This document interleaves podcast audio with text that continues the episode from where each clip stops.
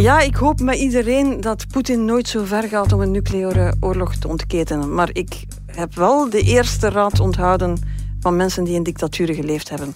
Neem een dictator altijd op zijn woord. Neem hem altijd serieus. Je hebt altijd het risico dat hij meent wat hij zegt.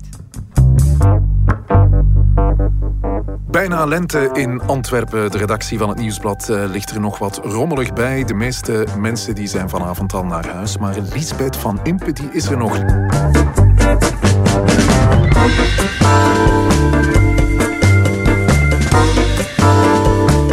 Lisbeth is hoofdredacteur en zij maakt haar punt over de actualiteit. Dag Lisbeth. Dag Jeroen. Ik ben Jeroen Roppe. Dit is het punt van Van Impe. Lisbeth, ik wil het met jou zeker over de oorlog in Oekraïne hebben. Maar, ik eh, vrees dat het een beetje een rode draad zal worden die door de hele uitzending loopt. Maar we gaan het ook over andere dingen hebben. Inderdaad, ook eh, over hoe die oorlog de Belgische politiek eh, beïnvloedt. En de Franse politiek ook. Want we naderen de presidentsverkiezingen in Frankrijk. Het is daar een cruciale week. Maar zoals jij weet, als het dan zoiets helemaal anders is uit mijn comfortzone, dan kijk ik rond op de redactie en denk ik, is er iemand die daar een pak meer van weet dan ik? Ja. En dan breng ik die mee en oh, deze keer heb ik er weer een gevonden. Gelukkig ben je niet de enige die nog werkt op dit uh, tijdstip. Nee, de Frankrijk-watcher is erbij, Christophe. Uh, dus... Uh... Dat is te veel lof. Dat is ah, Je noemt jezelf zo op internet. en ik heb het al gecheckt en het klopt. Je kent er heel veel van. En dus ik heb je meegebracht. En voilà, dan kunnen we met kennis van zaken ook over Frankrijk gaan spelen. Christophe Simons is erbij en ik heb eh, speciaal voor jou een derde glas meegebracht, eh, Christophe. En ik breek ook speciaal eh, voor jou met de traditie om alleen Belgische wijn te drinken. Ik vond het een risico om in een aflevering over Frankrijk, waar Frankrijk aan bod komt, alleen maar Belgische wijn te schenken. Dat is, ja, dat is een beetje ons vloeken in een Franse kerk. Ja, maar ik nuanceer even, Lisbeth, want het is Franse wijn, maar de wijnbouwer die komt uit ons land. Ze heet Kathleen van den Bergen. Ze opereert in de Loire-streek en maakt echt wel uh, naam daar in de wijnwereld, want uh, ze mag zich straks als eerste Belgische vrouw Master of Wine noemen. Er zijn zo'n 400 mensen ter wereld die die titel dragen en dus binnenkort ook een Belgische vrouw. We drinken een Anjou Blanc van het Château de Suronde op basis van Chenin Blanc gezondheid. Volledig eh, biodynamisch trouwens. Daar zijn die Fransen toch ook niet op te kloppen, hè? op de namen van hun châteaus en dingen. Allee, bedoel, het is direct een beetje meer zomer in de studio. Wat vind je maar dus eh, Christophe, op, jou, uh, op jouw komst, hè? Franse wijn, het is een primeur voor deze podcast. Wat vind je ervan, Christophe? Ik vind hem zeer lekker. Ik vind hem zeer lekker. Die gaat ons uh, zeker helpen om een paar duidelijke punten te maken. We beginnen eraan. Het punt van Van Impe vind je zoals elke week op nieuwsblad.be en op de bekende podcastplatformen.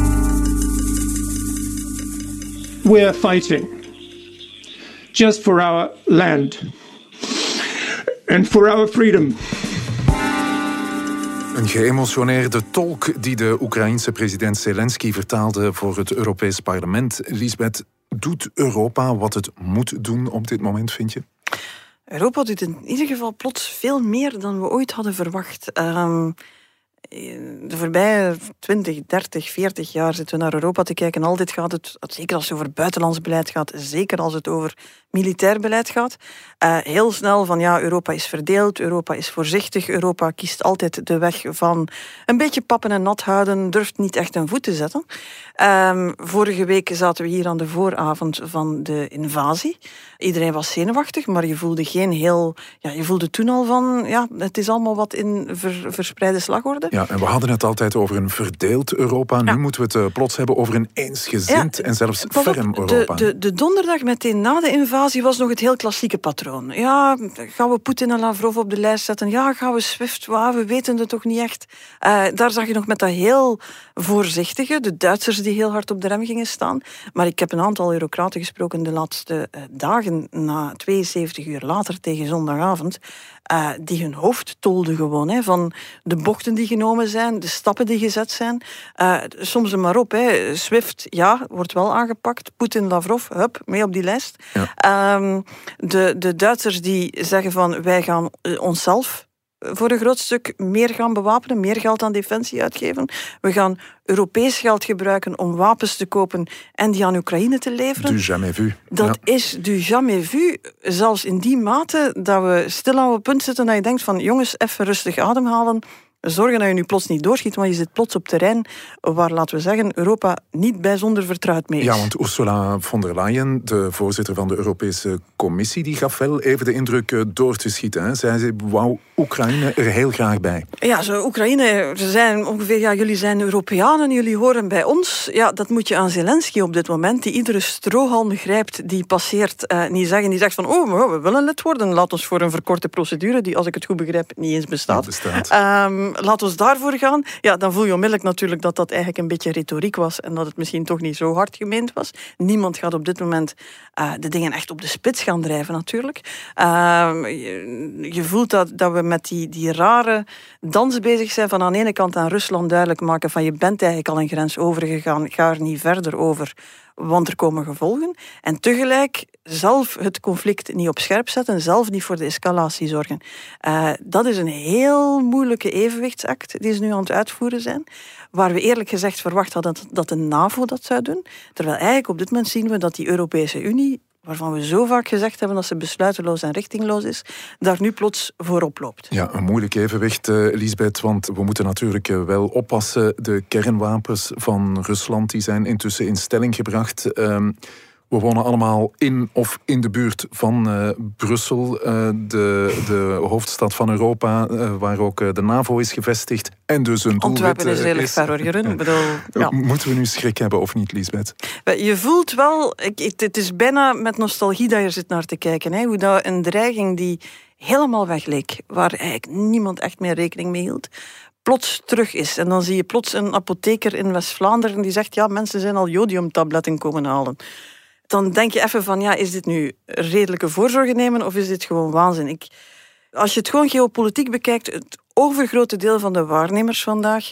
uh, gaat er nog altijd vanuit dat een nucleaire escalatie, een echte nucleaire escalatie, we hebben het nu niet over een, een, een kleine bom in Oekraïne, hoe vreselijk dat ook is, hè, maar dus een aanval, een nucleaire aanval op het Westen. Dat is hetgene waar mensen vandaag van wakker liggen, waar, waar, waar mensen aan kinderen moeten uitleggen.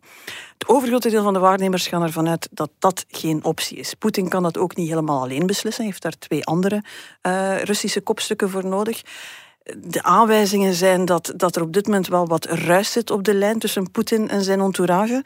Behalve dan de echte ja-knikkers heel dicht bij hem, maar dat daar, dat daar een heel uh, politiek spel bezig is. Die invasie is niet zo goed gelopen als dat ze gedacht hebben. Er is meer weerstand vanuit Oekraïne. De, het antwoord van het Westen is sterker. Dus je voelt dat ze daar aan het kijken zijn van ja, wat moeten we hier nu juist doen? Wat is hier de volgende stap? De kans dat dat een nucleaire aanval op het Westen is, is laten we zeggen zo goed als uitgesloten. Maar je voelt natuurlijk ook met die laatste ontwikkelingen van de laatste dagen en weken.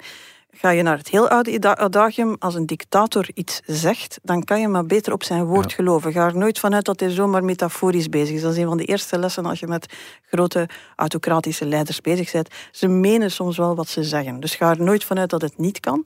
En op dit moment is die situatie daar zo volatiel, is het relatief onduidelijk wat de situatie binnen dat Russisch establishment zelf is, dat je nooit kan uitsluiten dat er echt ja, dat er accidenten gebeuren. Ja, intussen zitten veel landen echt met de schrik. Hè. In Finland en in uh, Zweden uh, willen veel mensen dat ze snel aansluiten bij de NAVO. De, ik weet dat dat zoiets is dat hier klinkt als Finland wil bij de NAVO. Tja, zaten die daar al niet bij? Dat is, dat is dus historisch. Hè. Ja. Finland heeft altijd heel goed opgelost, opgelet om de Russische beer aan hun grens niet kwaad te maken. En plots kijken die richting de NAVO en zeggen ze wij willen spreken. Dat is zonder meer historisch. Jouw punt, uh, Lisbeth, jouw eerste van vanavond. Europa is opvallend eensgezind en probeert een, een moeilijk evenwicht uh, te behouden. En uh, ja. We hebben van in het begin gezegd, dit, is een beetje, dit zou het begin kunnen zijn van een nieuwe wereld. Een, een nieuwe ordening van de wereld, een nieuwe verhouding tussen machtsblokken. Europa doet daar een heel verrassende, ja, je kan het moeilijk een openingsset komen, noemen, die is van, vanuit Rusland gekomen, maar toont daar plots een soort van cohesie en, en, en daadkracht die we eerlijk gezegd niet vermoed hadden. Maar dit wordt een, een, een, een toneelstuk in heel veel bedrijven. Hè. Dus ook de tweede, de derde, de vierde act zal ertoe doen. En eh, ik kan me niet van de indruk ontdoen dat de, de typisch Europe, Europese voorzichtigheid die soms ook een goede zaak is om geen stommiteiten te doen, dat die nu toch wel een beetje zal moeten terugkeren om er net voor te zorgen dat je, ja, dat je niet mee een factor van escalatie wordt natuurlijk.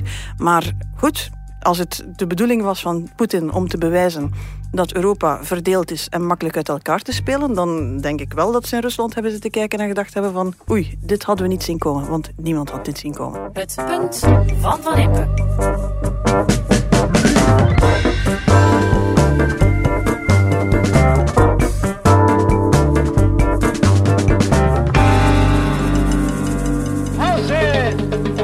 Ladies and gentlemen. C'est Jacques Chirac qui vous parle. Je dis quand même, qu'est-ce qui vous tend la main là Qu'est-ce qui vient là Monsieur Sarkozy. Bah, Manu, tu descends. La France n'est pas un pays réformable. C'est un peuple qui déteste cela. Moi, président de la République. Voilà donc, encore une fois, ensemble. Ja, ik luister graag naar podcasts over de Franse verkiezingen. Dit is een hele leuke trouwens. Voix de France van RTBF, mocht je de campagne willen volgen. Want op 10 april kiezen de Fransen wie naar de tweede ronde van de presidentsverkiezingen mag. Twee weken later weten we of Emmanuel Macron zichzelf opvolgt of dat het iemand anders wordt natuurlijk. Als ik de peilingen zie, Christel- Christophe Simons, eh 28% ongeveer voor eh, Macron. Die hoeft zich eh, niet te veel zorgen te maken, zeker? Nee, ik denk, ik denk ook dat hij zich niet al te veel zorgen maakt. Het enige waar hij zich vooral zorgen over maakt nu, dat is Rusland, Oekraïne. Niet vergeten dat Frankrijk momenteel voorzitter is van eh, Europa. En dus Inderdaad. daarin speelt hij een zeer belangrijke rol. En dat komt hem ook goed uit natuurlijk, hè, want hij kan voluit de rol spelen van de bekwame wereldleider die de situatie onder de controle heeft. En dat hè. is iets wat de Fransen altijd graag hebben. Hè, want dat hun grote president de centrale rol speelt Ja. in het, eh, op het wereldtoneel. Hij moet zich wel nog kandidaat stellen, want dat is nog niet gebeurd. hè. Nee, dat klopt. En hij moet zich stilaan beginnen haasten, want het moet dus voor vrijdag 6 uur zijn. In Frankrijk is er een systeem waarbij elke kandidaat of iedereen die zich kandidaat wil stellen 500 handtekeningen moet krijgen van burgemeesters, van Ja. raadsleden en dergelijke. Dus mensen met een officieel verkozen functie. Ehm, hij heeft die uiteraard al lang. Maar goed, dan moet hij nog altijd zeggen van oké, ik doe het of ik doe het niet. Nu, Ja. iedereen gaat ervan uit dat hij het Ja, doet. hè. dat is fantastische marketing. En zeker voor een Franse president in de, in de ware traditie van de Gaulle. Eh, geen tijd om een kandidatuur aan te kondigen. Te hard bezig met de wereldproblemen op te lossen. Ja, je kan het bijna niet dromen als start van een campagne natuurlijk. Als ik eh, kijk naar de tegenstand, eh, Christophe, dan is het wel erg druk op rechts. Hè. Eh, links stelt blijkbaar heel weinig voor. Hè. Links komt er gewoon niet meer aan te pas. Sinds eh, de laatste socialistische president Hollande. Eh, de eerste die zich eigenlijk geen tweede kandidatuur heeft veroorloofd. Hè. Die, Ja. Hij durfde het zelfs niet meer aan. Ja, dan, sindsdien ligt eh, de PS volledig op apengapen. Om u een voorbeeld te geven, de kandidaat van PS, Anne Hidalgo. Ja, toch, dat is eh, de eco-socialistische burgemeester van Parijs. Voilà, dat is toch Ja. niet niks. Hè. Er zijn al eerder burgemeesters van Parijs president geworden. Zij zal het absoluut niet worden. Zij haalt amper 2% in de opiniepeilingen. Ja, eh, iemand die wel boven de 10% zit eh, op links is Jean-Luc Mélenchon van eh, La France Insoumise. Wat is dat voor iemand? Ja, een ex-communist. Zoals overal eh, gaan de communisten wel eens eh, rollend ten onder. Met elkaar vechten, terwijl dat is ook in Frankrijk gebeurd. In die zin dat er zelfs nu een tegenkandidaat is van de echte Partie Communist. Nu goed, Jean-Luc Mélenchon is een op- en top Marxist. Iemand die vooral gaat voor het echte, het rurale Frankrijk. En die dan hoopt om op die manier zijn slag te slaan. Maar bon, met 10% zal hij toch serieus in Ja. inhaalbeweging Laten we eens kijken naar de andere kant van het eh, spectrum. Daar vinden we natuurlijk Marine Le Pen van het eh, Rassemblement National. Die gaat al een hele tijd mee. Vijf jaar geleden nam ze het op tegen eh, Macron. Toen haalde ze 21% van de stemmen. In de peilingen zit ze nu aan ongeveer 16%. eh, procent. Marine Le Pen is zo'n beetje wat het, het Vlaams Belang is bij ons. Mag ik dat zeggen? Heel rechts op het vlak van identiteit en migratie, maar wel linkse standpunten als het gaat over bijvoorbeeld eh, pensioenen. Dat klopt inderdaad. Eh, Op de, die vergelijking kun je dus inderdaad trekken. Nu, voor Marine Le Pen is het eh, dit jaar erop of erover. Hè. Als het nu niet meer lukt, dan is, het is haar carrière eigenlijk echt definitief voorbij. En dan, ja, dan komt er eigenlijk een soort van hergroepering of een hervorming op rechts.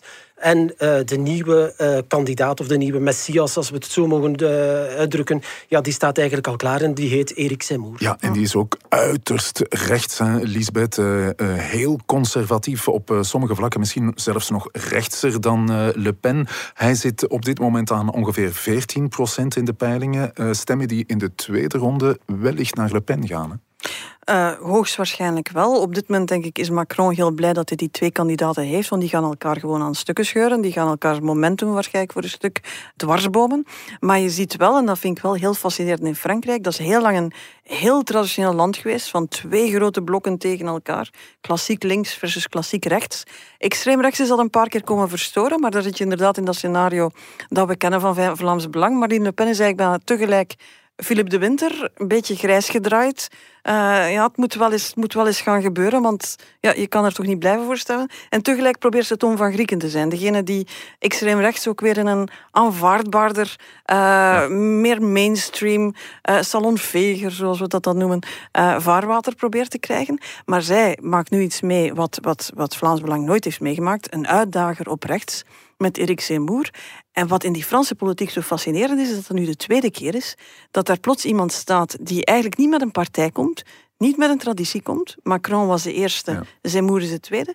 Die puur op de kracht van een persoonlijkheid, een mediapersoonlijkheid, charisma, een hele beweging op gang brengt die dat traditionele partijlandschap gewoon door elkaar roefelt, tot iedereen daar bijna eigenlijk uitgeteld op het canvas ligt. En dat is wat daar nu aan het gebeuren is voor Macron een gigantische bonus, want hij staat tegenover een verdeeld veld. Maar op uh, rechts en extreem rechts is dat een, een, een, strijd op leven en dood. Ja, we zouden ze bijna nog vergeten. Uh, Christophe Les Républicains, de rechtsconservatieve partij, die schuift Valérie Pécresse naar voren. Um, de debatten die moeten nog beginnen in Frankrijk. En we weten van Pécresse dat ze niet bepaald de vlotste prater is. Hè? Nee, dat klopt. Dat is ook nog eens gebleken tijdens het recente congres dat ze gehouden heeft in Parijs. Daar waren inderdaad achteraf heel veel kritieken op, ook vanuit de eigen partij, dat het helemaal niet zo in, in mijn hoofd is er zo'n beetje de Theresa May van Frankrijk Ja, wel, zo, zo was het. Terwijl ze zichzelf eigenlijk veel liever als een mengeling positioneerde van enerzijds uh, uh, Merkel en anderzijds toch een beetje Thatcher. Ja. Maar dat komt er helemaal Maar het is meer Theresa May waar zo de letters van voilà. de muur vallen terwijl dat, dat aan het speechen ja, is. Dat, dat klopt. Nu, ik wou nog eens eventjes terugkomen op die vergelijking van daarnet tussen uh, Macron en, en Zemmour als zijnde twee personen die individueel opkomen. Ja. Het, eigenlijk wat Macron gedaan heeft is nog veel straffer. Niemand kende Macron voordien, tenzij van de één à twee jaar dat hij minister van Economie waar, was. Ja. Ja. Zemmour is al jaren bezig als journalist. Heel Eerst bij de Figaro, journalist. dan als polemist echt op, uh, op de televisie. Die had, uh, dus het is echt Klopt, iemand die absoluut. bij heel, heel maar Frankrijk goed is, bekend is. Het is, het is tegelijk een beetje alsof, alsof Sigrid Brakke hier de hele wedstrijd door elkaar zou roefelen. Klopt. Ik zie het nog Klopt. niet direct gebeuren. Klopt, Ja. Laten we het uh, nog eens over uh, Valérie Pécresse hebben. Uh, en vooral haar banden met Rusland. Want ze mag dan wel niet de vlotste prater zijn. Maar naar het schijnt spreekt ze wel vlot Russisch. Ja, ik heb dat inderdaad ook gelezen dat ze Russisch spreekt. Ik ken Iets wat plots heel verdacht klinkt. ik ken ze ook niet persoonlijk, hè, dus ik kan het daar ook niet vragen. Maar het, het klopt inderdaad. Nu, ze is inderdaad uh, vorige week uh, eventjes in opspraak gekomen, maar dat was niet omwille van haar positie, maar wel omwille van François Fillon, de vorige, uh, de gewezen premier onder Sarkozy. En eigenlijk een beetje haar mentor, haar voorbeeld. Die man was na zijn politieke carrière, iedereen weet hoe het met hem is afgelopen, na de vorige presidentsverkiezingen met die fictieve jobs, is die in het zakenleven gestapt, lid geworden van twee raden van bestuur van Russische staatsbedrijven. Ja. En dat kwam natuurlijk uh, zeer slecht uit. Nu, hij heeft ondertussen ontslag genomen. Of hij dat uit vrije beweging gedaan heeft, dan wel onder zachte dwang van Pécresse of hardere dwang vanuit de partij, dat is niet geweten. We zullen moeten wachten op de memoires om daar echt uitsluitsel over te Ja. krijgen. Maar goed, dat probleem is alvast opgelost of toch minstens uh, in quarantaine geplaatst. Ja, maar de banden met Rusland die spelen echt wel een rol in deze campagne. Hè? Want uh, voor uh, Marine Le Pen bijvoorbeeld is de oorlog in Oekraïne echt wel zeer slecht nieuws. Hè? Voor haar is dat inderdaad zeer slecht nieuws. Hè. Het volstaat eventjes op Twitter te gaan kijken om te zien hoeveel foto's er momenteel verschijnen van Marine Le Pen, handjes schuddend met Vladimir Poetin. Enkele jaren geleden in het Kremlin. Iedereen herinnert zich nog, en wie het zich niet herinnert, die zal het wel weer te lezen krijgen, dat, ze, dat haar vorige uh, presidentscampagne volledig gefinancierd is met uh, uh, roebels, nee, met euro's uiteraard, Ja. een kleine 9 Maar wel, miljoen. ze kwamen wel uit Rusland. Maar ze hè? kwamen inderdaad vanuit Rusland. Ja, 9 miljoen, dat zijn toch serieuze bedragen. Officieel is het een lening, maar die is nog altijd niet terugbetaald. De partij zelf zit op droog zaad. Eh, Het faillissement is nakend. Dus echt voor Marine Le Pen Ja. is, zoals ik het al net zei, eh, erop of droog. En dan is er nog Seymour, die andere uiterst rechtse kandidaat, eh, Lisbeth, die had het nog niet zo lang eh, geleden over eh, eh, eh, Poetin als eh, ja, een, een fantastische leider. We hebben een Franse Poetin nodig, zei hij. Is een echte ja. Ja, het zijn de drie graden die je hebt. Je hebt aan de ene kant opportunistische ex-politici die carrières gemaakt hebben eh, in Russische bedrijven, daar heel veel geld scheppen en vandaag eigenlijk, om eerlijk te zijn, een soort van embarrassment voor hun eigen partij zijn. En ze zijn daar gewoon beschaamd over en terecht. Dan heb je eh, Marine Le Pen, die deel uitmaakt van dat grote plan van Poetin om zoveel mogelijk partijen en bewegingen te financieren, rechtstreeks en onrechtstreeks, die het status quo in West-Europa kunnen bedreigen, eh, die de verkiezingen kunnen beïnvloeden, of dat dan nu een brexit-campagne is, of dat is extreem rechts in Europa. De roebels, spreekwoordelijk dan, vloeien daar rijkelijk. En dan heb je de laatste soort, dat is een beetje een gekke evolutie van de laatste eh 10, 20 jaar. Dat zijn de mannen die voor ultraconservatief Europa staan. En die in Poetin een soort van leider gezien hebben. Een sterke leider, een echte man. We kennen hem allemaal op zijn paard in zijn bloot bovenlijf en noem maar op. Allee, dus een, een, een beeld van mannelijkheid zoals we dat vandaag ongeveer niet meer durven opvoeren. Die het niet te nauw neemt met oppositie, die wel eens een, eh, een, eh, een, een tegenstander laat omleggen, die voor een wit Europa is, die voor een klassiek Europa is, die voor een christelijk Europa is, die van al die LGBTQ-dingen allemaal niet te veel moet weten. Eh, en dat is een soort van boegbeeld voor conservatief rechts geworden, waar ze dus zich vandaag moeten bezinnen over alle quotes waarin ze Poetin verheerlijkt hebben.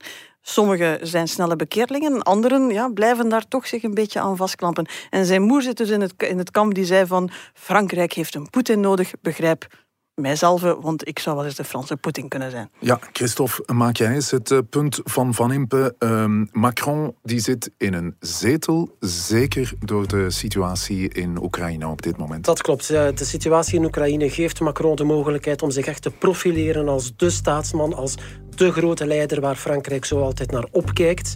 Eh, ik zou zelfs zeggen, hij zit niet in een zetel, hij zit gewoon op zijn troon in het Elysée. En eh, ik durf er wel heel veel geld op zetten dat hij daar ook nog zal op zitten eh, na de tweede ronde van de verkiezingen. Dankjewel, Christophe. Blijf gerust nog zitten voor een glas Anjou Blanc. Dank u wel. Het punt van Van Impe.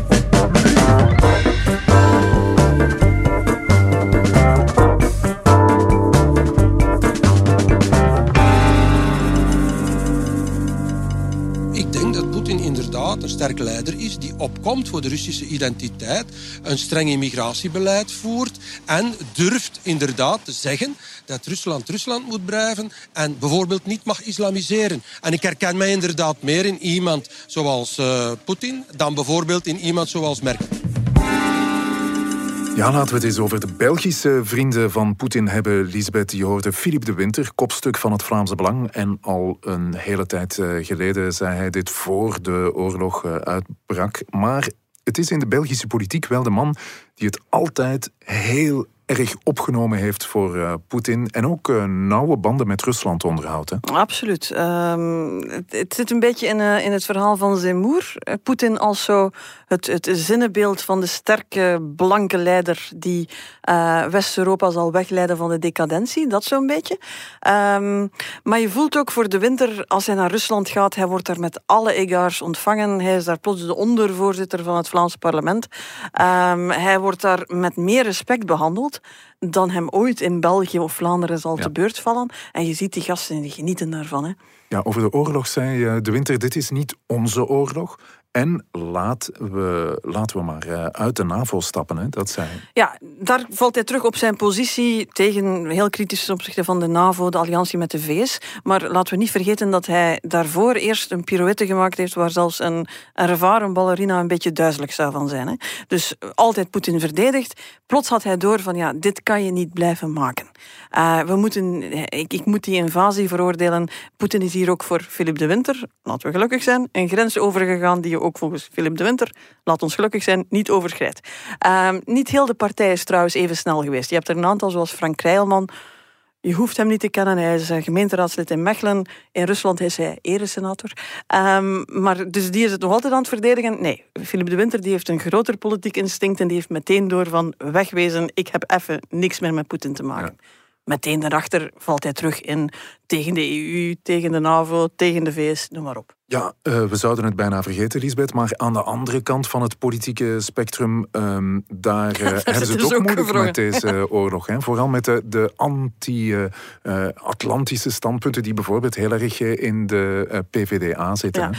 Voor alle duidelijkheid, er is door sommigen gezegd van ja, die zijn voor Poetin, want Poetin was vroeger een communist. Ik denk dat ze bij de PVDA heel goed weten dat Poetin geen communist is en geen bondgenoot is.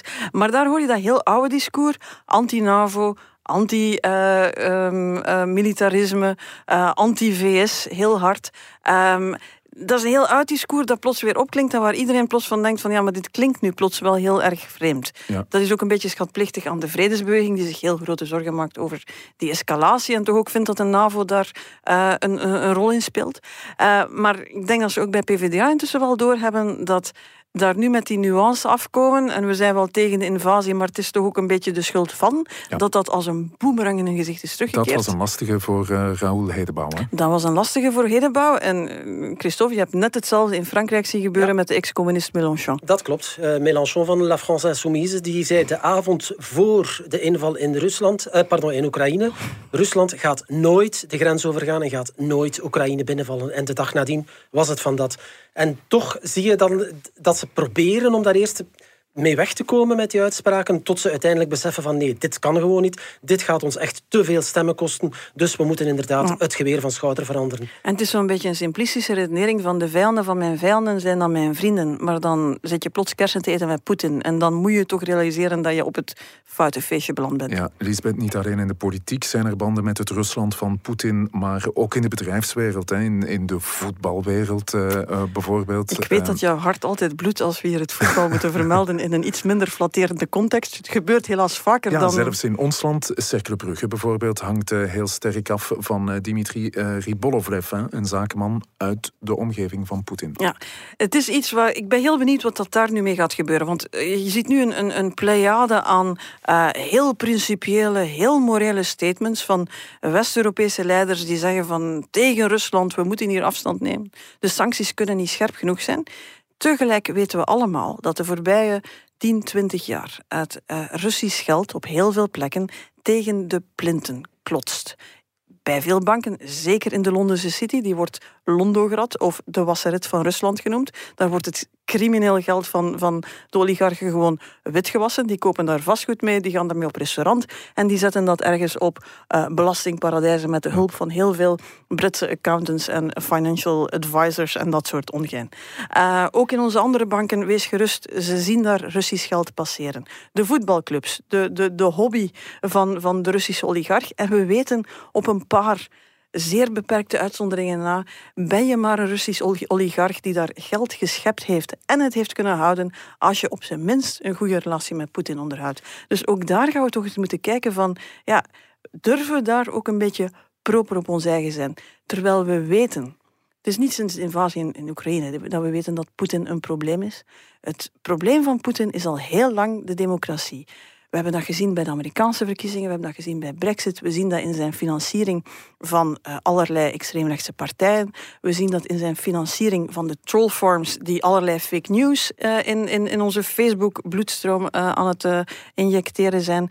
Hij doet er alles aan om westerse democratieën te ondermijnen. Ik mag hopen dat we nu stilaan op het punt staan dat we zeggen dat is genoeg geweest. We gaan ons daar veel offensiever tegen beschermen. Ik voel jouw punt aankomen, Lisbeth. Heel Europa staat uh, voor de taak om het Russisch geld aan te pakken en um, om een manier te vinden hoe om te gaan met die uh, invloed uit Rusland. Ja. En eigenlijk moet je zeggen, eindelijk. Want het is niet sinds de invasie in Oekraïne dat we dit weten. We weten dat Poetin actief ongeveer alle krachten die hij kan verzinnen, financiert die de democratie ondermijnen. We wisten al dat hij uh, tegenstanders in Rusland laat omleggen. Het is niet, je kan het niet mooier zeggen dan dat. We weten al dat hij zelfs durft om in West-Europa tegenstanders met uh, gif. Uh, allez, je haalt het bijna uit een, uit een, uh, uit een James Bond film. Hè. We weten dat allemaal. We hebben gezien hoe hij de Krim geannexeerd heeft. We hebben gezien wat hij in Georgië gedaan heeft. We hebben gezien hoe hij heeft geprobeerd de Amerikaanse verkiezingen te beïnvloeden, de Brexit-stemming te beïnvloeden, hoe hij ongeveer iedere disruptieve kracht in Europa financiert. We weten dat allemaal al zo lang. De invasie heeft er nu voor gezorgd dat al die West-Europese leiders en de Amerikaanse zeggen van de maskers zijn nu echt gevallen. Ik kan zeggen het heeft lang geduurd, maar goed, we zijn er. We gaan dit aanpakken. Dat levert op dit moment heel veel grote statements van morele verontwaardiging op. Daar gaan ook moeten acties aan gekoppeld worden. Waarbij we gewoon leren om wat proper op ons eigen te zijn. En die Russische invloed veel meer te weren dan we vandaag doen en er niet gewoon ook ons graantje van mee te pikken. Het punt van Van Impe.